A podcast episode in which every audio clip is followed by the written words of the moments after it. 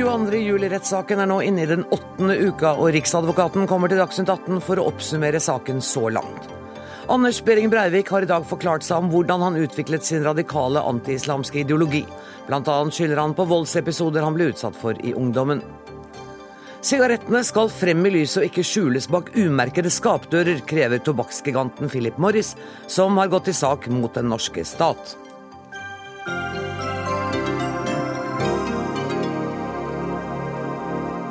Dette er noen av sakene i Dagsnytt 18 denne mandagen, der vi også skal høre at Unio innrømmer at det neppe er mer å hente på å fortsette streiken. Likevel trapper de opp fra torsdag. Misbruk av streikevåpenet, mener Frp. Men aller først skal det dreie seg om 22. juli-rettssaken. Riksadvokat Tor Aksel Busch, velkommen til Dagsnytt 18. Vi er altså inne i åttende uke. Hvordan vil du kort oppsummere saken så langt? Jeg syns det har gått veldig bra. Mange av oss håpet jo at det ville skje. Det har gått eh, rolig, verdig eh, for seg. Og jeg syns at eh, alle har gjort det veldig bra. Vi fortsetter med det jeg tror kommer til å være ros. Hvordan, hvordan har domstolen taklet dette? Jeg syns domstolen har taklet det bra. De ytre forhold er lagt eh, godt eh, til rette. Og det er en eh, myndig administrator, slik det skal være i straffesaker. Her skal saken opplyses så godt som mulig. Er vi i ferd med å få gjort det, syns du? Ja, det har jo vært vår ambisjon hele tiden. Og jeg håper at vi kan gi flest mulig svar. Det er opplagt en god del svar man ikke skal få eh, gjennom rettssaken, men at man kan få svar på de sentrale spørsmål knyttet til den tiltalen som foreligger, det tror jeg eh, vi må si at vi er i ferd med å få. Hva har vært den største utfordringen for aktoratet? Ja, Det tror jeg er todelt. Det ene knytter seg nok til all den menneskelige lidelse som de må forholde seg til. Det var de selvfølgelig forberedt på. De har lest uh, tåredryppende forklaringer. Men å få det så direkte innpå seg som man gjør i en rettssak, det er en voldsom uh, belastning. Og det skal man ikke undervurdere. Det gjelder selvfølgelig for alle som er til stede. Det andre knytter seg til den tiltalen vi har, nemlig at uh, den tar høyde for at Breivik både er tilregnelig og utilregnelig, for å si det slik. Og det er, utfordrende, det er en utfordrende del.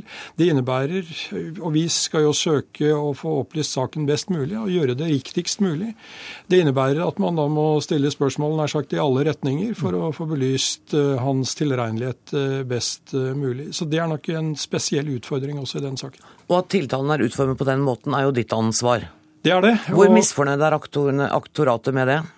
Nei, Jeg tror de er veldig godt fornøyd med utformingen av tiltalen. Tiltalen har vært eh, hensiktsmessig. Jeg tror den avgrensningen som vi kjempet uh, mye for å få så god som mulig, altså hvor mange skal nevnes i tiltalen osv., det syns jeg man må kunne si har fungert ganske bra.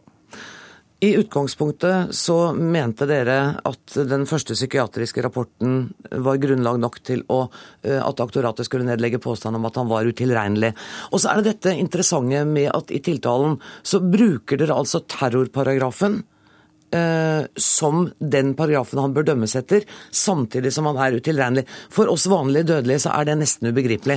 Ja, men hvis jeg går til et annet eh, felt, eh, nemlig drap, rene drap uten eh, terror, så snakker vi om det overlagte drap, altså det planlagte drap.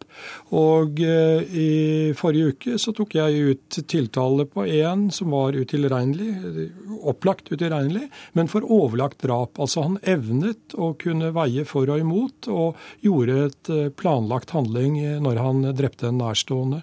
Så det er i og for seg ikke så mystisk at det går an å også planlegge, selv om man er utilregnelig.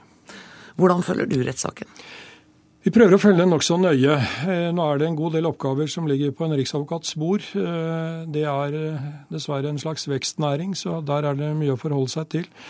Men jeg har to utmerkede aktorer som etter mitt syn gjør en strålende innsats. Jeg har full tillit til de, og jeg er ikke overrasket over at de gjør en god jobb. I tillegg er det to førstestatsadvokater fra mitt kontor som i perioder følger saken for å kunne støtte aktorene i de vurderinger som de må gjøre. Hvor mye har du vært i retten? Jeg har bare vært der én dag. Eh, men jeg kommer til å følge eh, noen dager i tillegg når vi går over i denne psykiatridelen, for å kalle det det.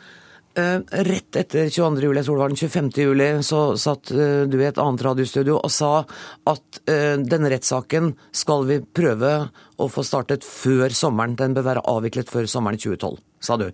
Eh, jeg trodde ikke noe på deg, nå har dere gjort det. Har dere hatt et sånt hastverk, riksadvokat, at det har gått utover kvaliteten på etterforskningen? Jeg mener den ikke har det. Eh, og hvis eh, det var slik at eh, det sto i en avveining mellom tempo og kvalitet, så måtte vi velge kvalitet definitivt. Men jeg mener at det er mulig å kombinere det, at denne saken viser det. Det er en veldig grundig etterforskning. De har ikke kommet så godt fram gjennom retten, for det har vært så mange andre aspekter. Men vi har altså kartlagt Breiviks liv i tilnærmet detalj. Det er gjennomført en på mange måter helt forbilledlig etterforskning. Selvfølgelig er det elementer i et så stort materiale som kunne vært gjort annerledes, men mye har også der gått veldig bra. Og vi vekker altså internasjonal oppsikt at det nå er mulig å ta saken opp til doms elleve måneder etter at disse ugjerningene fant eh, sted. Og jeg tror det er veldig bra for nasjonen. Det at vi ikke skal forholde oss til eh, en løpende etterforskning med usikkerhet. Jeg tror det er bra for de involverte, for de i pårørende.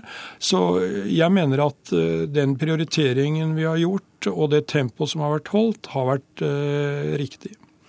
Du har møtt eh, ganske kraftig kritikk eh, når det gjelder eh, den, retts, den, psykiatriske erklæringen og Riksadvokatens holdning til den i utgangspunktet. Det var vel også, så vidt jeg husker, en jusprofessor som mente at dette var med på å svekke tilliten til systemet, da dere ikke øyeblikkelig gikk inn for å få oppnevnt nye sakkyndige. Hva tenker du om det nå? La meg først si at jeg er glad for at vi fikk nye sakkyndige.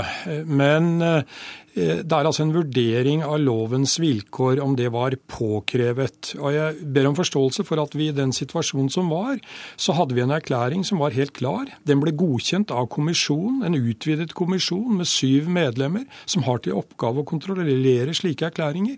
Det var ikke så lett for oss å si at lovens vilkår påkrevet var til stede. Og vi er i denne saken, som i alle saker, opptatt av én ting, nemlig å gjøre det vi mener er riktig, og det var nå vår vurdering. Men det er bra at vi fikk eh, nye sakkyndige, og at vi nå får vurdert hans tilregnelighet i full brette. Men hadde vi bedt om nye sakkyndige, hvis vi hadde ment at det var nødvendig, så ville det ikke vært noen rettssak nå. Da måtte vi ha ventet på erklæringen, og tiltalebeslutningen ville ikke engang vært klar. Så det er i og for seg så dramatiske beslutninger og konsekvenser vi, vi snakker om. Men hadde vi ment at det var nødvendig, så hadde vi selvfølgelig tatt det tidsaspektet som det innebærer. Hvordan ser du på det, den uroen og den uryddigheten som synes å ha oppstått rundt kommisjonens vurdering av rapport nummer to? Det er helt opplagt at eh, vi må få en gjennomgang av eh, hele tilregnelighets, eh, alle tilregnelighetsreglene våre. Tilregnelighetssystemet, kommisjonens arbeid og det hele, det må vi få. Og det har både storting og, og statsråd sagt at det skal vi få, så det kommer. Men jeg tror det er viktig at ikke dette kommer midt oppe i saken. Jeg er ganske sikker på at kommisjonen vil svare godt for seg når den kommer i retten på det som eh, den har, har gjort, og, og, og, de vurderinger den har. Jeg eh, ser med spenning frem til å høre også de fire sakkyndiges eh, forklaringer. Det blir veldig avgjørende. Vi, altså påtalemyndigheten, trekker ingen konklusjon før vi har hørt alle som skal mene noe om dette. Så altså dagen før prosedyren begynner, så vil vi summere opp og, og, og se hvor er vi, hva har vi for en situasjon nå, hva kan påtalemyndigheten her klare å bevise. Så det spørsmålet er fortsatt helt åpent. De som mener å trekke slutninger fra dag til dag, de tar altså etter mitt syn feil. Eh, vi må få helheten i dette, og avgjørende brikker er fortsatt ikke hørt. Når venter vi at dom kan falle i denne saken? Det vet jeg ikke noe om, men jeg vil tro at de legger mye vekt på å få en ganske rask dom. Så, så, la meg si en dom i løpet av en fire ukers tid, vil jeg tro. Det er jo deler av dette som eh, man også kan begynne å skrive på underveis, mm. som erfarne dommere gjerne gjør. Så kanskje før 22. juli. Og så kan man vel regne med at denne saken ankes? Ja, nå har jo Breivik selv sagt at blir han eh, dømt tilregnelig, så anker han ikke. Med det så viser han jo at han ikke tror på sin anførsel om preventiv nødrett, eh, nødverge. Det har jeg jo merket meg. Men eh, vi kan selvfølgelig ikke legge vekt på at han sier at han ikke vil anke ved vurderingen tilregnelighet eller ikke tilregnelighet. Og retten kan vel heller ikke legge vekt på det? Og... Det kan det ikke. Nei. vi, vi, må gjøre det man mener er riktig etter loven og sakens bevisligheter, som det heter. Men om det blir anke, så er det altså da bebudet at den først vil finne sted eh, neste år, januar neste år.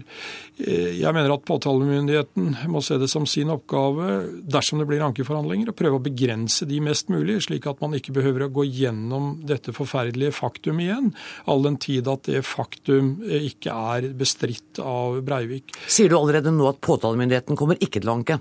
Det sier jeg ikke, men jeg sier at om det skulle bli en, en ankeforhandling, så tror jeg med bestemthet at den ikke bør ta ti uker. Eh, men en anke fra påtalemyndigheten eh, Jeg vil jo ikke foregripe det før man har eh, lest dommen, men, men tingrettens dom her blir viktig. Det er helt på det rene. Kan jeg til slutt spørre deg litt personlig. Hvordan har opplevelsen av å lese alle forklaringene til de overlevende og pårørende, hvordan har det å følge det i retten vært? Det er en stor påkjenning, det er det ingen tvil om. Jeg har i 25 år håndtert eh, de aller, aller fleste alvorligste straffesaker her i landet. Og eh, trodde jeg hadde vært eh, med på det meste. Det har jeg åpenbart ikke vært. Og jeg må jo gi stor honnør til de som har vært og forklart seg, både fra regjeringskvartalet og fra Utøya. Det er kloke, forstandige betraktninger, og ikke bare om sine egne opplevelser, men også om hvordan de setter rettssaken inn i et større perspektiv. De opptrår virkelig med stor verdighet eh, og til stor ettertanke, både de fra regjeringskvartalet og de fra, eh, fra Utøya. Tusen takk for at du kom til Dagsnytt 18, riksadvokat Tor Aksel Busch. Det skal eh, fortsatt dreie seg om 22.07-rettssaken. Blant dem som forklarte seg i dag, var eh, professor Mathias Gardell, som analyserte den ideologiske retningen som Anders Behring Breivik tilhører. Velkommen hit, eh, Mathias, professor Mathias Gardell. Du har hatt en lang dag. Du sa i retten i dag at Anders Behring Breivik ikke er noe mysterium. Just det. Forklar. Som, som eh, fascismforskare så är det ju väldigt tydligt hva hans politiska hemvist är. Och här har vi ju en politiskt motiverad våldsman som har försökt motivera sitt tilltag i en text på över 1500 sidor. Om man tittar på det här kompendiet så ser man att det främst består av texter som han själv inte har skrivit utan som han har plockat in från annat håll. Så, så eh, de här föreställningarna han hyser är inte unika för honom utan tillhör en politisk idétradition. Och jag försökte visa i rätten idag att den är sammansatt av lite olika element.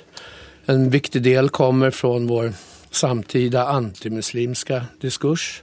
En annan från den kulturkonservativa nationalistiska traditionen. En tredje väldigt viktig som har varit lite försummad i det norska samtalet är den antifeministiska. Till det så, så, kommer element fra vit maktideologi. Inte minst viktig her er jo det militärstrategiska tänkandet som er tydelig hos Breivik. Og som han også har misforstått litt. grann. Hva er egentlig denne tempelriddarorden för någonting? Og sen kommer element også fra høyrekristen, framfor alt amerikansk evangelikal miljø. Eh, samme type av predikanter som också informerar Tea Party-rörelsen, milisrörelsen i USA och sen förstås hela den här nationalromantiskt orienterade tempelriddartraditionen som också den har varit med oss ganska länge. Liksom en en sammenblanding av mange Han bruker mange elementer fra forskjellige ideologier. Ja, han, og det koker sammen i hans eh, sammanställning til eh, vad vi kan kjenne igjen som en fascism.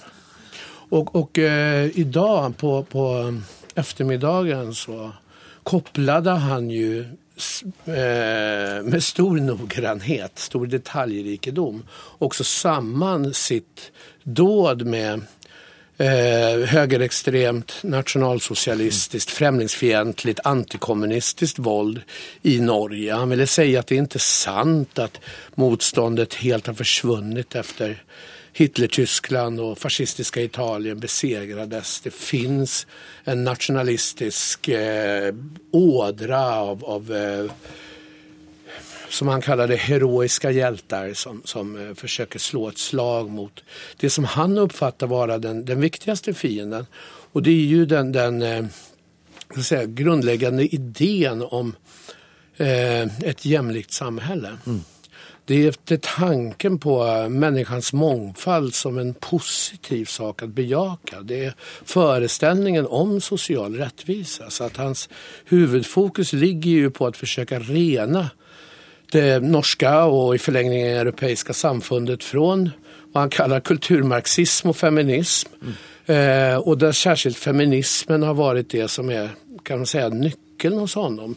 Där han tycker att, att feminister har feminiserat vita heterosexuella kristna män som väl vet hur man byter blöjor och tar hand om barn men inte längre kan slåss. Och han vill återuppväcka de här slumrande krigarinstinkterna. Så den kraft med vilken Europa en gång erövrade stora delar av världen under imperiernas tid åter ska bli verklighet. Du understreket i retten i dag at du er historiker ikke psykiater. Ja. Men du sa samtidig at hvis man skal uh, låse inne uh, folk som Anders Behring Breivik, så må man altså ha en stor psykiatrisk vård. Um, har, mener du at vi i Norge har gått et feil spor når vi har lagt så vekt på debatten om hans tilregnelighet? Jag tror att, att, eh, det är naturligtvis viktigt att också ta hänsyn till de olika psykologiska faktorer som finns. Alla som delar hans politiska övertygelse är inte beredda att ta till den här typen av extremt våld. Alla som tar till extremt våld delar inte hans politiska övertygelse. Samtidigt så är det viktigt att se att, att eh, det, det säga, ideologiska budskap som motiverar hans handlingar, som driver den här gärningen, eh, är politisk. Och jag tror att det här pekar på en problematik som finns också i det norska samhället men så också i Skandinavien, Sverige, Europa i stort där vi behöver försöka göra upp med eh, det här arvet eh, som är rasistiskt, som är kulturnationalistiskt, som är könsessentialistiskt. Att mm. vi, har, vi har viktiga debatter framför oss. Tusen takk for at du eh, kom, professor Mathias Garell. Magnus Takvam, du er kommentator her i NRK. De sakkyndige har jo forklart seg om Behring Breiviks ideologi i dag. Har de dermed svekket eh, den første psykiatriske rapporten? Jeg tror nok Hvis vi slår sammen alle de skal vi kalle dem akademiske sakkyndige på ideologi eh, og religion osv. på terror, som har forklart seg, så har de pekt på en del ting som gjør at vi venter med spenning på hva Huseby og Sørheim kommer til å si på disse kritiske punktene. Det er bl.a. en del som dreier seg om, etter ekspertenes mening, at de forveksler eh, ideologi med galskap, og har, har, da pekt på en del feilslutninger som de mener er i den første rapporten, om disse nyordene som er vanlig brukt i denne blogosfæren og i dette miljøet.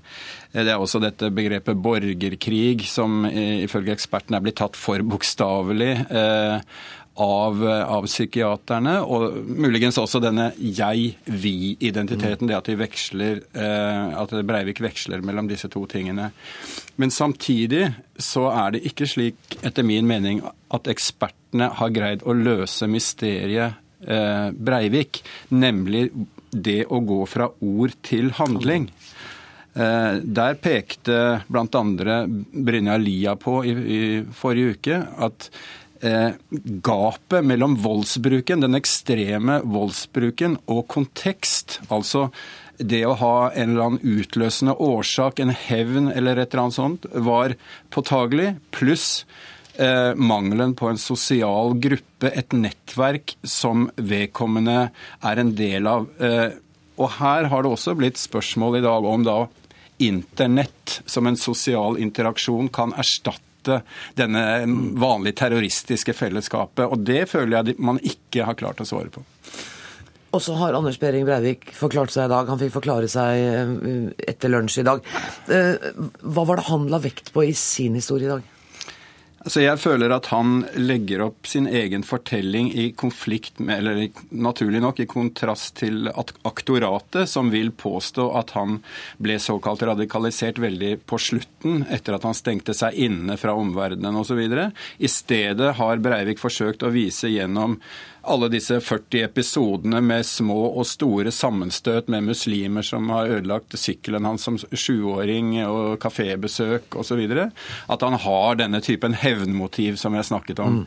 I, I, tillegg at han er en del av en høyreradikal voldstradisjon i Norge. Altså at han ikke er en eksepsjonell person i den forstand.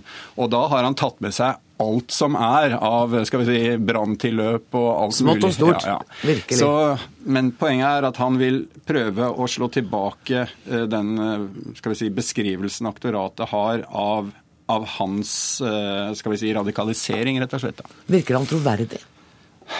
Jeg syns det er mange store spørsmålstegn ved den uh, framstillingen han gir, som, som, ikke for meg er troverdig ennå. Bl.a. alt dette med Liberia også, som vi ikke trenger å gå inn på. Mm. Men, men det, det, at du er lite troverdig, betyr ikke nødvendigvis at du er utilregnelig. Så det eh, kommer jo retten tilbake til. Så det store spørsmålet gjenstår. Jeg må si tusen takk til professor Mathias Gardell og til kommentator Magnus Takvam.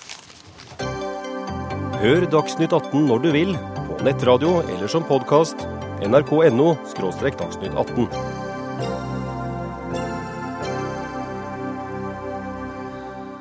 I dag møttes tobakksprodusenten Philip Morris og den norske stat i retten. Philip Morris mener forbudet mot synlig tobakk i butikkene er ulovlig. Tobakksselskapet mener bl.a. at forbudet bryter med EØS-avtalen og legger restriksjoner på konkurransen. Eh, og jeg skal bare si at Selv om vi da har statsråd Anne Grete Strøm Eriksen her sammen med representanten for eh, Philip Morris, så har vi ikke tenkt å legge opp til noen debatt, fordi det er en rettssak som pågår. og Derfor vil jeg bare at dere skal, hver for dere, fortelle hvor dere står hen. Nordan Helland, du er kommunikasjonsdirektør i Philips Norge. Nordmenn kjøper to milliarder sigaretter i året og dere har 27% av markedet. Hva er det dere har å klage over? For det første så tror jeg nordmenn faktisk kjøper langt mer enn to milliarder sigaretter i året, fordi det du refererer til der er kun den lovlige innenlandsomsetningen. Eh, og den representerer omtrent eh, ifølge staten selv 60% av alt som omsettes. Så det er en 40% uregistrert omsetning, hvorav en betydelig andel uh, ulovlig handel drevet av organiserte kriminelle. Og denne andelen har vært voksende over flere år. Så det er jo et problem som myndighetene også bør adressere.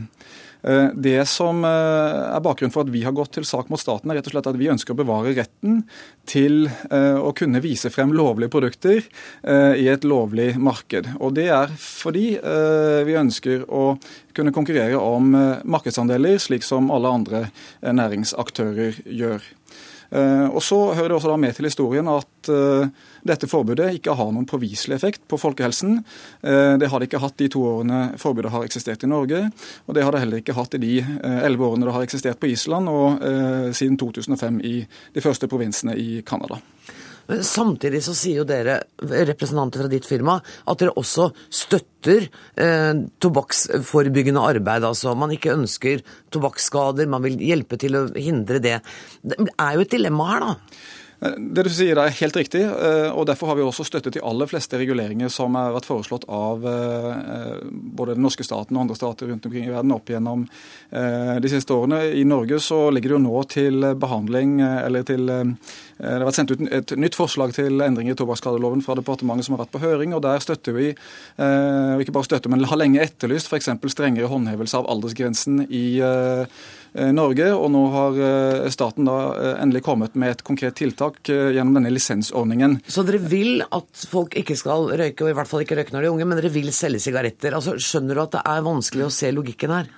Altså, jeg tror realiteten er at uh, røykemarkedet er der. Selv Verdens helseorganisasjon sier at uh, om 50 år så kommer det fortsatt til å være en milliard røykere i verden, det samme som det er i dag. Poenget er hvordan skal denne uh, omsetningen foregå? Skal den foregå i kontrollerte former, utført av lovlydige aktører og den lovlige industrien og handelen, eller skal det på en måte overlates til mer ukontrollert omsetning? Og Det er litt av dilemmaet som jeg var inne på i sted, for, bl.a. for Norge, hvor, hvor det tallet er er veldig høyt. Så er det sånn at vi er de første til å si at røyking er helseskadelig det er avhengighetsskapende. Derfor så skal eh, forbrukerne være eh, klar over eh, helserisikoen ved å røyke. Vi mener at helsemyndighetene skal, skal gjenta det budskapet, repetere det. Vi er glad for informasjonskampanjene knytta til helsefarene ved å røyke. Vi har helseadvarsler på alle våre produkter over hele verden, enten det er pålagt av lokale myndigheter eller ikke.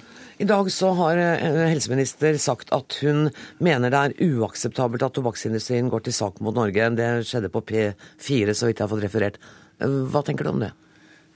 Ja, jeg, jeg synes faktisk det er litt uh, rart at helseministeren i rettsstaten uh, Norge mener det er uakseptabelt at en lovlig uh, aktør i Norge kan prøve en sak som vi mener er uforholdsmessig, altså en uforholdsmessig lov for domstolene. Jeg syns det er litt rart i en rettsstat som Norge, hvor vi baserer hvor vi baserer samfunnet på tredelingen av makten, hvor domstolen har en klar rolle i den sammenhengen. Helseminister Anne Grete Strøm Eriksen, var det en litt uoverveid replikk du kom med der? Eh, det er selvfølgelig eh, eh, Philip Morris kan jo saksøke hvem de vil, og de har nå saksøkt Norge. Men man må jo se på min rolle i dette. Min jobb er jo som helseminister å ivareta befolkningens helse. Eh, og i den sammenheng så er det jo ikke akseptabelt at man går til rettssak når man prøver å beskytte befolkningens helse. Eh, og dette er jo ikke noe jeg har funnet på alene. Det, det å ha dette å ha denne eh, oppstillingsforbudet, da. Det er jo noe som er en del av den tobakkskonvensjonen. Så det er det nærmeste du kommer en enighet mellom mange land om å få et regelverk, et rammeverk, for å begrense skadene av røyking. Og det er klart at det aller viktigste for meg, det er jo at barn barn og unge ikke begynner å røyke. Eh, og at ikke dette blir fremstilt som en vanlig vare. For er, selv om det er lovlig, så er det ikke en vanlig vare. Det er tross alt en vare som står på toppen av listen over ting du blir alvorlig syk av, at du kan bli alvorlig syk, eh, og i verste fall dø mange år for tidlig. Og mange gjør det. Eh, og Derfor så er det eh, viktig for meg som helseminister å ta, gjøre tiltak i forhold til dette. Men har de et poeng når det gjelder eh, loven og EØS-avtalen? Nei, altså Dette er jo rettssaken får gå sin gang. Ja. Men eh, tobakkskonvensjonen er det 174 land av verden, som er medlemmer i Verdens helseorganisasjon som har undertegnet. Der er dette eh, oppstillingsforbudet da ett av de. Det er mange andre land som har, oppført, opp, eh, som har innført dette. Storbritannia f.eks. Der gikk også Jeg vet ikke om det var Philip Morris eller om det var en av de andre tobakksgigantene som gikk til sak eh, mot eh, staten. Men de trakk saken rett før den skulle begynne. Men de har et, eh, har et lignende oppstillingsforbud. Det samme har de i Canada. Finland har det en rekke andre land som har. Australia jo står jo nå i fire rettssaker, forskjellige rettssaker, fordi at de, har, de eh, har, vedtatt i sitt parlament å innføre noe som kaller nøytral innpakning, som er et, et, et enda videre eh, De har gått enda lenger. Og det, det, det, interessante er jo at dette virker. Altså Alle tiltak du gjør, det virker. Men det er klart at ett enkelttiltak eh, isolert sett, eh, det er jo ikke så veldig mye. Men det er jo alle tiltakene i sammen. Men, og vi ser at på på, fra 1970-tallet f.eks. så er røykingen halvert i Norge. Og det er jo fordi vi har gjort tiltak, fordi vi har gitt begrensninger i forhold til lovverket, hvor du kan røyke. Eh, og det er jo samme vi gjør nå. Vi kommer med en ny, altså vi legger frem for Stortinget nytt lovverk til høsten. Eh, og en ny tobakksstrategi. Og det aller, aller viktigste det er jo at ikke barn og unge begynner å røyke. For det er skadelig. Så vidt jeg vet er det satt av nesten to måneder til denne rettssaken. Um, er du bekymret over utfallet hvis det skulle gå imot dere? Nei, altså jeg, eh, Nå får nå denne rettssaken eh, gå sin gang. Eh, men eh, altså jeg vil understreke at dette er tobakksindustrien som har gått til rettssak mot Norge. De har gjort det i 13 andre land. Det er 23 rettssaker som enten har vært, eller som er i gang akkurat nå. Eh, og Derfor så samarbeider jo vi også med andre land for både å utveksle informasjon eh, eh, og om den situasjonen vi står i. Fordi at jeg mener faktisk at det er ikke tobakksindustrien og deres profitt som skal være avgjørende for hvilken rett jeg og regjeringen har til å beskytte folks helse i Norge. Der fikk du siste ordet. Tusen takk for at dere kom. Nordan Helland fra Philip Morris Norge og Anne Grete Strøm Eriksen, statsråd. Nå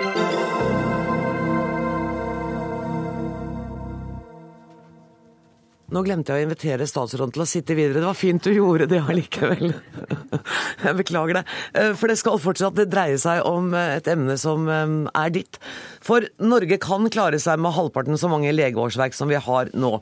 Det hevder altså tidligere stortingsrepresentant og helsepolitiker for Høyre, Inge Lønning. Uttalelsen falt på et frokostmøte arrangert av tidsskriftet Minerva i forrige uke, og der var det flere som satte kaffen i halsen. For Inge Lønning, det snakkes altså om legemangel. Mens du mener at det er ikke problemstillingen. Vi kan klare oss med omtrent halvparten så mange årsverk. Ja, akkurat det med halvparten var jo uh, sånn oh ja, tenk, på en, tenk, på et tall Nei, uh, men uh, når man er så gammel og dreven som jeg er, så velger man å sette ting på spissen okay. hvis man skal tiltrekke seg oppmerksomhet. Det er man nødt til. Men jeg mener jo alvor. Vi har aldri tatt oss tid til å diskutere skikkelig i Norge hva er et rimelig forholdstall mellom antall legeårsverk og befolkningens størrelse. For Hvis vi sammenligner både med våre nordiske naboland og med andre europeiske land, så forbruker vi utrolig mange leger i Norge. Og eh, mitt utgangspunkt er at vi, vi må ta oss tid til å diskutere hvorfor er det blitt sånn. Eh, det kan ikke være det at folkehelsen er så veldig mye dårligere i Norge enn i nabolandene. Det må, det må henge sammen med måten vi har vennet oss til å etterspørre helsetjenester på. Mm. Og kanskje at vi i noen sammenhenger har laget terskelen for lav. At vi flyr til legene i utrengsmål, for å si det enkelt og greit. Men legene sier jo selv at de har altfor mye å gjøre i førstelinjetjenesten. Ja, det bekrefter vel eh, bildet. Eh, fordi spørsmålet er jo om man nå ser kritisk på eh, det som fyller en leges arbeidsdag, og at den er pakkende full. Det er det ikke noen som helst tvil om. Og sortere litt fra hva, hva er det legen egentlig er nødvendig for i kraft av sin medisinske kompetanse, og hva er alle de andre tingene som legene er nødt til å bruke massevis av tid på hver dag, og som ikke krever medisinsk kompetanse. Så det du mener er at vi er blitt et folk som eh, løper til legen mye oftere enn vi har behov for det? Ja, jeg tror vi etterspør eh, helsetjenester eh, langt utover rimelighetens eh, grenser. Det var en annen måte å uttrykke akkurat det jeg ja, sa på. Politikken og politik, politikerne, meg selv inkludert, jeg satt i helse- og omsorgskomiteen i fire år, har en, et viktig medansvar for dette. Fordi vi altfor ukritisk løper etter etter eh, etterspørselen, og ikke stiller spørsmålet er det er det mulig å sanere noe. Så dytter vi masse oppgaver inn i helsetjenesten som kanskje ikke har noe der å gjøre. Altså Legene sitter jo med nøkkelen til eh, mange trygdeytelser, f.eks. Eh, uføretrygd. Det er legens diagnose som på en måte åpner pengesekken i det statlige system. Hvem skulle ha gjort det, da? Nei, jeg har ikke noe sikkert svar på det. Men, men eh, det er klart det at, at, eh, veldig mye av legers arbeidstid går med til rutinemessige ting, eh, f.eks. For fornyelse av førerkort. Hege Gjessing, president i Den norske legeforening. altså Ikke halvparten så mange årsverk, men i hvert fall en kraftig reduksjon går lønning inn for. Hva tenker du? Ja, jeg, først har jeg lyst til å si at eh, jeg er stolt i dag på vegne av alle våre fastlegekolleger, fordi Norsk kundebarometer har kåret fastlegeordningen til den offentlige ordningen som det norske folk er mest fornøyd med. Gratulerer. Ja, vi er veldig stolt over det. Og så er jeg naturligvis eh, uenig i at vi trenger færre leger i Norge. Jeg mener at vi trenger flere. Jeg mener at vi trenger flere både i sykehus og i primærhelsetjenesten. Men la oss snakke om fastlege, altså ja. førstelinjetjenesten først. For har ikke Lønning et poeng her at det er mye bruk... Du har sittet i dette ja. studioet og har vært bekymret over hvor mye tid legene skal bruke på papirarbeid, ja. på alt dette som kreves av dem. Der er vi jo enige. Og vi har jo tall på det at eh, legene bruker under halvparten av tiden på pasientrettet virksomhet, tid sammen med pasienten. Og hvis man kan få ordnet opp i noe av dette, så ville det være en vinn-vinn-situasjon. Men, eh, men, det betyr ikke at man kan halvere antallet leger. Det har tidligere vært forsøkt å ta ned antallet leger. Det gjorde man på 90-tallet og tenkte at det ville redusere helsekostnadene. Eller på 80-tallet. Hele Europa. Og da ble det legemangel i veldig mange land, også i Norge. Og Nå er vi jo i en fase hvor vi egentlig bygger opp, og vi skal bygge opp primærhelsetjenesten med Samhandlingsreformen. Vi skal ha flere fastleger fordi vi ønsker å flytte oppgaver fra sykehus og til primærhelsetjenesten. Men jeg må spille ballen over til statsråden igjen, da. For hvis legene kan bruke mer tid på pasientene og fjerne en del av papirarbeidet, så vil mye være gjort med en. Jo, men eh, jeg opplever jo at Lønning eh, tok til orde for en litt bredere debatt enn bare eh, hva legene skal gjøre. For det gikk vel egentlig litt på hvor mye bruker vi helsevesenet, går vi for ofte til legen? Og det er jo én debatt. Hva legene faktisk gjør er jo Men det henger jo sammen. Det henger sammen. Og det er klart at ingen av oss, og vi har jo hatt en diskusjon om fast, fastlegeforskriften, men ingen av oss ønsker jo at legene skal bli byråkrater. Men samtidig så ser jeg jo det at de er òg veldig mange ganger nøkkelen til til eh, å få folk inn til å fortsette i jobben sin. Eh, de har mye, eh, mye, å bidra med, men det er jo ikke tvil om at det har også annet helsepersonell. og Derfor er vi jo opptatt av i Samhandlingsreformen at både leger og annet helsepersonell kan samarbeide, og vi kan helt sikkert bli flinkere til å justere hva skal du gjøre, og hva skal den andre gjøre.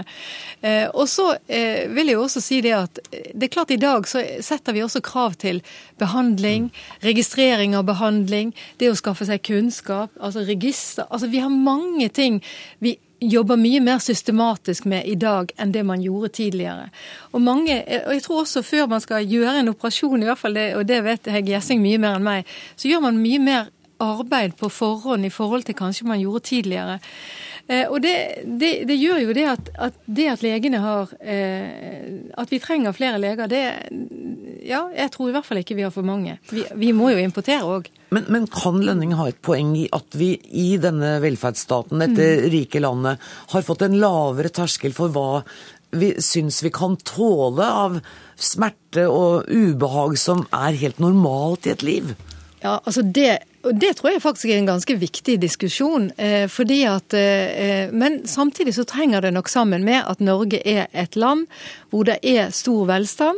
Eh, og når vi har dekket veldig mange av våre andre allmenne behov, så ønsker vi å leve lengst mulig, vi ønsker å være frisk, vi ønsker å ja, altså, altså alle disse tingene. Og blir egentlig veldig var for å ha veldig lett tilgang til til eh, det å kunne komme seg til legen, selv om vi av og til må vente for lenge. Men da har jo, da har jo, da har jo Lønning et lite poeng, da. Men altså, eh, jo, men, men jeg, jeg, jeg ville ikke ha, ha, gått til det skrittet å si at vi har, for, vi har for mange leger. Jeg tror heller kanskje man skal noen ganger stille seg spørsmål med eh, men er det Altså at vi kanskje sykeliggjør f.eks. en ting som sorg. Er det en psykisk lidelse, eller er det en del av livet? Det er jo sånn som man kan stille seg spørsmål med, og som vi absolutt skal gjøre. Men det betyr ikke at vi har for mange leger. Og vi har heller ikke noe hold for å si at leger går, eller at pasienter, at folk går for mye, for ofte til lege. Ingen, vi har ikke noe tall på det. Og jeg tenker at alle vi som sitter her, vi tenker at vi bruker legen så lite som mulig, og det tenker jeg at gjelder for de aller fleste av oss. Så... Er det litt ubekvemt å sitte mellom to sterke damer her nå? Nei, nei, nei jeg trives veldig godt mellom damer. Jeg har alltid, alltid gjort Men, eh, men eh, altså, et øyeblikk tilbake til Samhandlingsreformen. for Den har jo fulgt ifra tenkestadiet, og da Bjarne Håkon Hansen eh, drev innsalget av Samhandlingsreformen med stor kraft, så snakket han jo om dette med at man skulle ha tak på listepasienter for fastlege, for at fastlegen skulle ha bedre tid til pasientene. Man skulle ha flere flere tusen nye fastleger. Men det han aldri eh, stilte spørsmål om, var er det en netto økning av antall legeårsverk man da snakker om, eller er det å disponere de totale legeårsverkene som vi i dag har i sykehussektoren og i primærhelsetjenesten på en bedre måte? Hvis det er det siste, så kan det tenkes at det er riktig. Hvis det er det første, så mener jeg det er definitivt galt. Om det er noe vi ikke trenger, så er det netto netto vekst i antallet legeårsverk i Norge. Og Da må jeg vende tilbake til spørsmålet hvorfor trenger vi å forbruke så mye flere legeårsverk i Norge enn i våre naboland? Det må, jo, det må jo, i tilfelle finnes en vettug begrunnelse til det.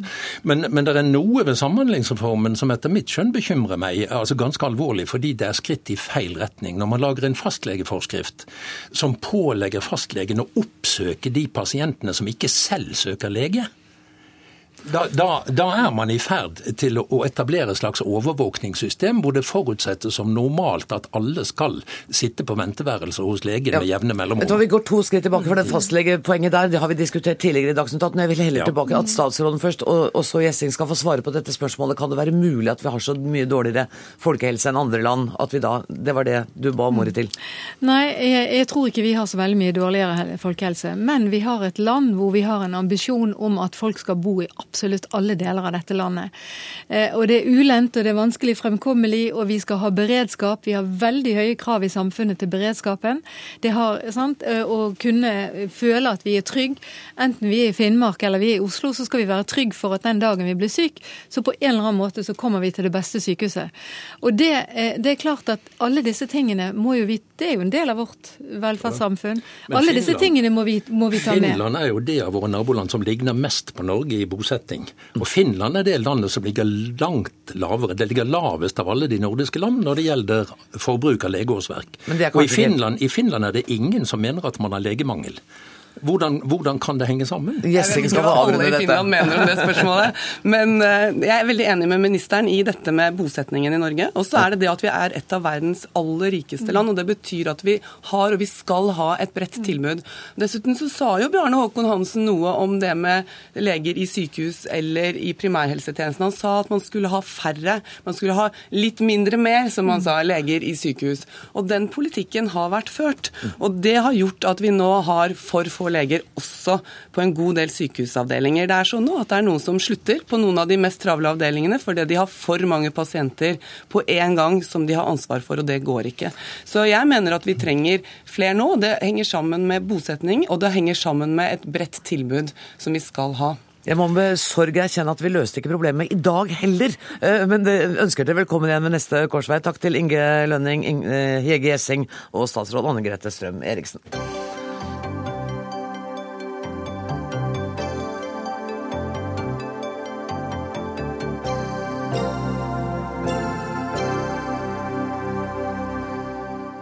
Så skal det dreie seg om streik igjen i Dagsnytt 18. For mens 6500 statsansatte nå går tilbake på jobb, varsler Unio at de vil trappe opp denne uka.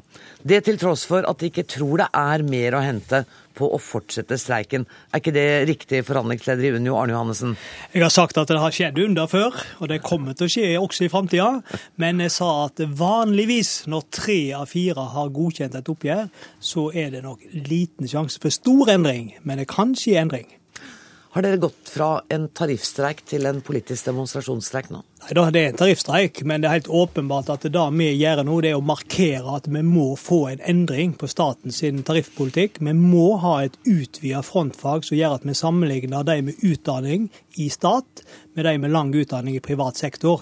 Det er et utrolig viktig prinsipp. Til Dagens Næringsliv i dag så sa du at um, Synker stolen din? Det var litt pinlig. Klarer du å få reise den opp igjen? Det er, det er, ikke noe forsøk fra Dagsnytt 18 på å redusere deg her, altså.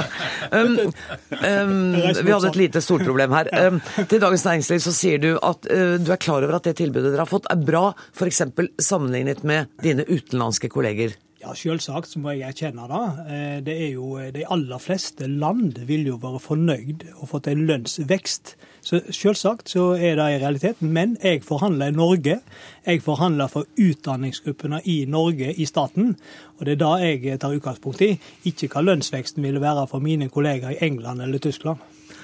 Kristian Tubring-Gjedde, du er medlem i finanskomiteen på Stortinget for Fremskrittspartiet, og du mener at dette er med på å svekke eh, streik som en aksjonsform? Ja, jeg syns det er uh, usolidarisk. Jeg syns en fagforening som står for solidaritet, må stå for en, uh, en usolidarisk holdning. Uh, og at man ikke vil sammenligne seg med utlandet, det syns jeg er meningsløst. fordi at frontfagene er jo nødt til å sammenligne seg med, med utenlandsk arbeidskraft, for de konkurrerer med dem. Og det er klart at hvis ikke da de offentlige ansatte er villige til å se, sammenligne seg med offentlig ansatte i andre land, så, så nytter det ikke å sammenligne seg med privat sektor, som igjen konkurrerer med utlandet. Så man kan late som man lever på en isolert øy her i Norge. Nei, jeg syns det er usolidarisk. Og det lønnstilbudet som er gitt, er et solid, godt lønnstilbud, og bedre enn alle andre i Europa. Ja, altså, Jeg hadde vel ikke venta noen eh, støtte fra Frp når det gjelder arbeidstakere. Men har han ikke et poeng her, da? Han har selvsagt et poeng, men vi er solidariske. Vi står på og hjelper òg de i eh, ulike europeiske land som har problemer. Vi har internasjonalt samarbeid, og de støtter oss og vi støtter dem. Det er ikke sånn at det blir bedre for arbeidstakerne i Hellas eller i Tyskland om vi takker nei til dette tilbudet. Og så glemmer Tybring-Gjedde en vesentlig ting, og det håper jeg også Frp er enig i. At det må være sånn at vi sammenligner dem med utdanning i offentlig og privat sektor. Et grunnleggende prinsipp. Jeg ville forund være forundra hvis ikke Frp mener det. Skal vi sammenlignes med industriarbeideren eller skal vi sammenlignes med de som har lang utdanning i privat sektor? Det hadde vært artig å visst hva Frp mener om. Ja, For det første så eh, argumenterer jo Arne Johansen eh, denne gangen på den måten, og en annen gang på en annen måte. Det stemmer ikke. Eh, jo da, det stemmer. Og, og, og, selvfølgelig skal det lønne seg å ta utdannelse. Men da kan jeg komme med en utfordring tilbake til deg. Det er noen som er flinke som har tatt lang utdannelse, så er det noen som ikke er vel så flinke. Er ikke så fryktelig flinke når de har tatt utdannelse. Nemlig hva de kan faktisk gi tilbake til arbeidsgiver.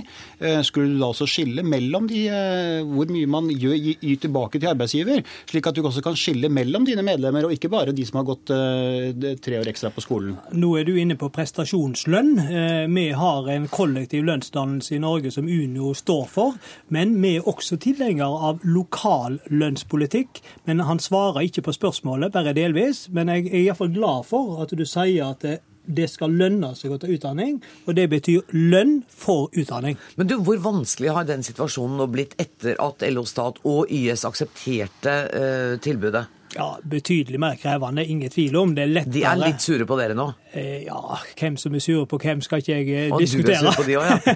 men poenget er, vi har stått i lag i denne kampen, men jeg har stor respekt for at eh, de har sine prosesser. De har sagt ja etter en demokratisk prosess. Jeg har samme prosessen i mitt forhandlingsutvalg, og de sa nei.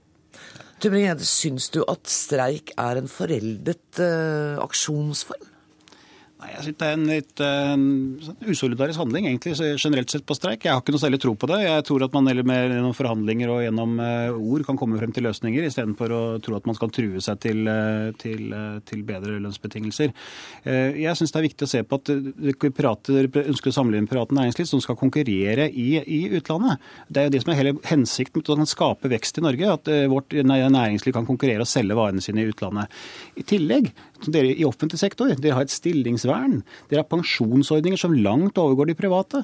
Altså, dere har så mange fordeler. Jeg jobber jo selv i offentlig sektor, jeg har jobbet i offentlig sektor tidligere. Det er klart det er store fordeler å jobbe i offentlig sektor. Jeg har jobbet 15 år i Forsvarsdepartementet. Det er klart det var store fordeler ved å jobbe i offentlig sektor. Så ikke prøv å innbruke, innbille folk der ute at man skal prøve å sammenligne seg med privat sektor, som ikke er i nærheten av de fordelene som man har i offentlig sektor. Men det ligger jo i hele lønnssamarbeidet og det som heter det inntektspolitiske samarbeidet i Norge, at vi skal ha en frontfagsmodell. Det som nå Tybring-Gjedde gjør, og det er nokså oppsiktsvekkende, det er at han tar avstand for det som er gjeldende norsk politikk i forhold til det som er inntektspolitiske samarbeidet som Bondevik II-regjeringa innførte, nemlig en utvida frontfagsmodell. og Det sitter han nå og argumenterer helt imot. Du, eh, er det sånn nå at eh, du begynner å bli litt sliten av denne streiken og egentlig venter på Det kommer jo en tvungen lønnsnemnd om ikke lenge når dere, når dere trapper opp på torsdag. Er du så sikker på det? Er ikke du?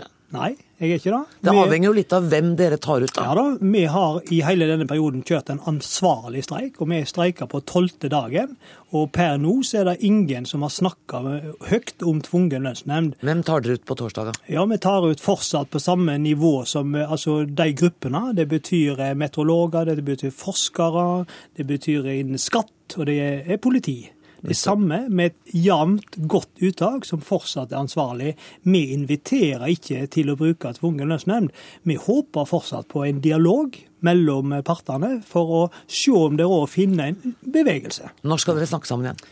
Nei, Det vet jeg ikke, men eh, min mobiltelefon er på døgnet rundt.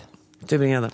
Altså, vi har en veldig rik stat, og så har vi et eh, relativt fattig næringsliv som sliter med konkurransen i utlandet. Hadde det vært noe slags form for solidaritet og fornuft i det Arne Johannessen sier, så hadde han bedt om skattelettelser istedenfor lønnsøkninger, slik at du kunne opprettholdt kjøpekraften og du kunne opprettholdt konkurranseevnen på et privat næringsliv. Det hadde vært fornuftig. Det er veldig artig å høre på Frp-politikere som snakker hele tiden om solidaritet. og Det setter jo pris på, at eh, de er begynt å bli opptatt av solidaritet. Så det er bra. Velkommen etter. Men tror, tror du Johansen, at denne streiken kan bli langvarig?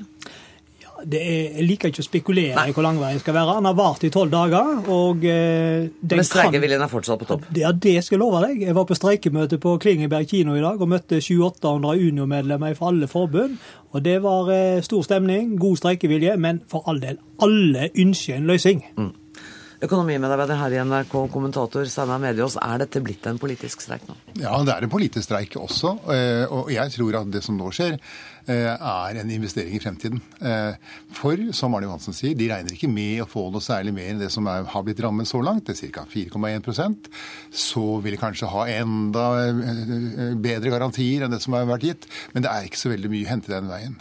Egentlig så tror jeg vi ser nå at Unio synes i den streiken. Har kanskje vært med en forbausende synlig i hele streiken. Eh, de er store, de er sterke, de er taleføre, og de vil bli regnet med. De skal ikke bare være et lite gult eh, forbund nederst i høyre hjørne, så å si.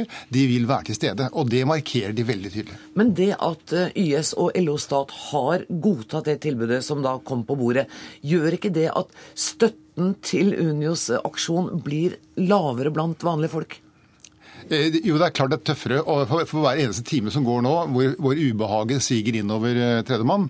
Men det er jo også et bevisst at det skal jo være litt ubehagelig eh, for, for tredjemann. Vi er også inne i en fase hvor på mange måter er en streik er selvfølgelig lønnskamp, men det er også et slags rollespill med innøvde replikker fra alle parter. Og, og vi er inne i en fase nå hvor vi kan si at vi nærmer opplagt siste akt. Når Tybring-Gjedde bruker eh, solidaritetskortet mot dem og sier at det er ikke solidarisk sånn som Europa ser ut, og sånn som norsk næringsliv ser ut nå, et næringsliv som er i vanskeligheter. Hva tenker du om det? Ja, eh, La oss ta det første først. Hvis man ønsker å sammenligne norske lønninger med europeiske, eh, så, så eh, kunne man jo like gjerne si hvorfor ikke importere kinesiske lønninger? Mm. Eh, eh, hvorfor ikke sammenligne seg med de som har mye dårligere lønninger? referansepunktet i Norge, det er det de, akkurat det de kjemper for. De vil ikke bli sammenlignet med lønnsnedslaget i tysk industri, i, Gres, Hellas, Irland, alle disse landene som nå, hvor lønningene raser ned. Derfor tror jeg at akkurat fremtidens investering for Unio, det er en investering i fremtiden. Hvor skal lønnsdannelsen i Norge være? Og så er det forholdet til næringslivet, da. Norsk næringsliv går bra, det. Eh, og hvis, hvis, Det som er interessant, og særlig den delen som vi nå kaller konkurranseutsatt sektor, som blir mer og mer dominert av en oljesektor, er på mange måter den nye skjermede sektoren. Mm. Med høy oljepress, utrolig gunstige skatteordninger og med en betydelig lønnsevne. Og det er på mange måter dilemma for den såkalt rike norske staten, fordi den presser opp hele lønnsnivået i Norge. Alle vil nå referere seg til de guttene som har mest i lommene. Steinar, jeg må snakke med deg om en annen streik som ikke angår Johansen, og det er nemlig vekterstreiken. For det ble ikke noen løsning mellom Arbeidsmannsforbundet og arbeidsgiver i dag heller. Hvorfor ble ikke de enige? Nei, Vekterne de, eh, de er ikke fornøyd med 4,1 eller 4,2 eller 4,3. De vil opp på det nivået som den gjennom, altså gjennomsnittlige industriarbeider den konkurranseutsatte sektor er på totalt sett. Og da nytter det ikke med 5 og 6 og 7 og 8 Da skal man få noe ganske annet, og det får de ikke. Kommer det til å bli uh, slutt på den streiken snart? Ja, alle, det, alle streiker har en slutt. Men det kommer til Eh, som sagt, Vi er nærmere oss siste akt. Eh, vi får de første rapportene nå om rotter i bakgården og litt snusk og snask. Det er helse. Eh, og når vekterne lager kaos på, på flyplasser og den slags, så snakker vi om sikkerhet. Så da kommer lønnsnemnd, da. Akkurat. På et eller annet tidspunkt, det er i løpet av de neste 20 timene, så har vi fått beskjed om lønnsnemnd. Og det kommer også til å få konsekvenser for øh, streiken i Unio? Ja, men det gjør det absolutt. Da er det på en måte close race. Altså, da er det slutt, eh, tror jeg. Men han venter nok veldig på hva som skjer i natt. Med lærere, sykepleiere og den slags. Og han ligger jo bak og presser. Så egentlig så er det et godt spill. Det er et godt rollespill. Og med mobiltelefonen på hele tida. Tusen takk for at dere kom, Arne Johannessen, Christian Tybring-Edde og Steinar Mediås.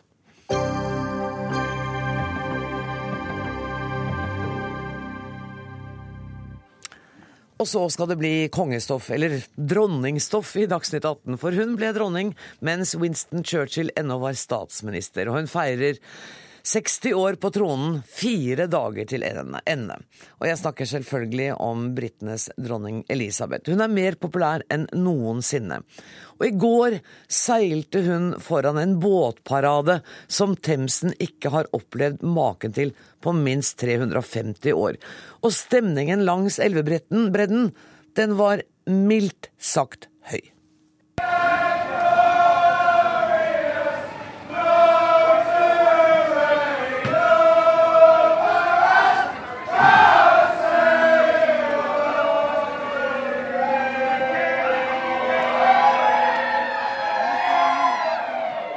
London-korrespondent Gry Blekastad Almås. Det høres, hørtes ut som en fotballkamp, dette, men det var opptak fra i går, ikke sant? Jo da, det var det, og det var ikke seint på kvelden heller. Det var nok tilløp til fyllefest langs deler av løypa i går, men det var også mange som hyllet dronningen med stil, for å si det sånn. Var det flott å se det? Jeg vet ikke om du var i nærheten eller om du så det på TV?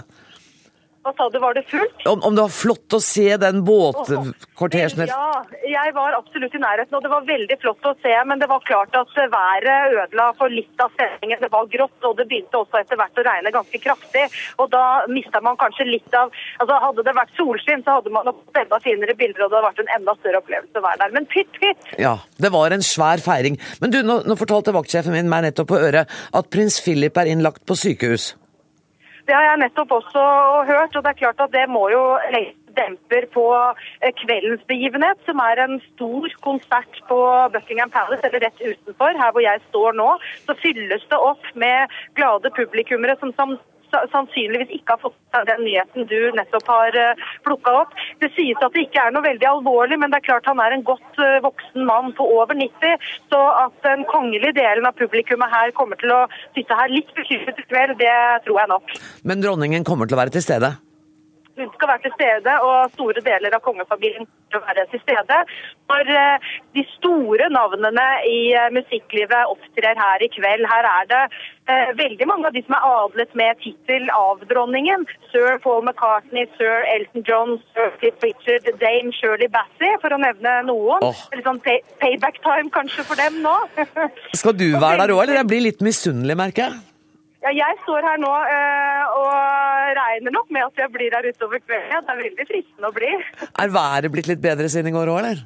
Det kommer og går regnbyger. Og når vi kom inn her gjennom en tett eh, sikkerhetsopplegg. Så eh, når vi endelig var igjennom den, så fikk vi utdelt en liten pose. Oppi den lå altså det, den eh, jubileumsregnfrakken, f.eks. Sånn at vi må nok belage oss på noen byger. Men det er bedre enn det var i går. Ja, Det er godt å høre. Du, det har jo gått litt opp og ned med populariteten til det britiske kongehus, for å si det mildt. Men dronningen har aldri vært mer populær enn hun er nå. Hva skyldes det? Nei, Når du spør folk midt i en jubelrus, som det må sies å være i Storbritannia nå, så er det kanskje ikke så rart at hun oppnår uh, høye skår på målingene. Men det skal også sies at hun er dypt respektert fordi hun har stått på og jobbet gjennom nå 60 år. Eh, og jeg tror at folk ser nettopp den hardt arbeidende dronningen som sa en gang hun var kronprinsesse til sitt folk at hun dedikerer seg til dette folket. Mm. Det løftet gjentok tidligere i år, og det tror jeg eh, britene flest mener at hun også har klart eh, å holde. Og så skal det altså feires fire dager til ende. Hun må jo ha kondis som en 20-åring? Ja, det virker sånn. Altså, hun ikke bare fire dager til ende. Hun har jo siden februar, som var eh, det tidspunktet for 60 år siden hun faktisk ble dronning, så har jo hun reist land og strand rundt i Storbritannia og latt seg hylle av folk eh, her, holdt jeg på å si. Og det fortsetter også etter denne jubelhelgen. Men hun har altså stått på lørdag, eh, i går og i dag, altså her ved Buckingham Palace. Og om ikke det er nok, så fortsetter i morgen en gudstjeneste i St. Paul. En prosesjon oppover gjennom sentrum og oppover gatene inn til Buckingham Palace. Og en flyparade og stor pomp og prakt eh, i morgen. Man kan si at i kveld er det den folkelige festen, og i morgen er det det mer rojale og høytidelige? Ja, i morgen er det den seremonielle delen, mens det, er, det skal rockes. Kongelig rock og pop i dag. Du vet hva, du må bare Jeg håper du er godt kledd og kan tåle regnvær med den kongelige regnfrakken og det hele, og så må du nyte denne kvelden. Tusen takk for at du var med fra London, eh, Gry Blekastad Almås, NRKs korrespondent. Det nærmer seg slutten på nok en Dagsnytt 18-sending. Ansvarlig i dag har vært Sara Victoria Rygg. Det tekniske ansvaret det har Hans Ole Hummelvold. Jeg heter Anne Grosvold. Vi høres om 23 timer. Takk for nå.